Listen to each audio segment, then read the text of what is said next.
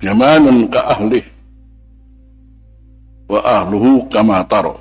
Jadi ada kata hikmah zamanun ke ahli.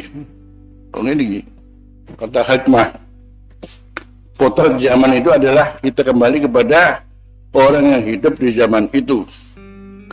Potret zaman itu adalah kita kembali kepada orang yang hidup di zaman itu ke ahli.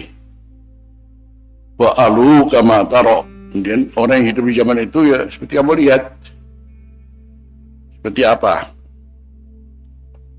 Zamanun ke ahli. Wa alu kama taro.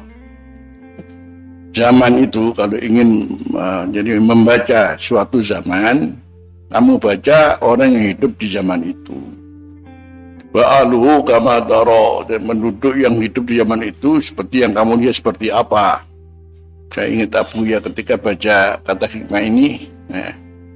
Zamanun ka ba'aluhu kamal khoro. Ya. Misalnya apa? Kama.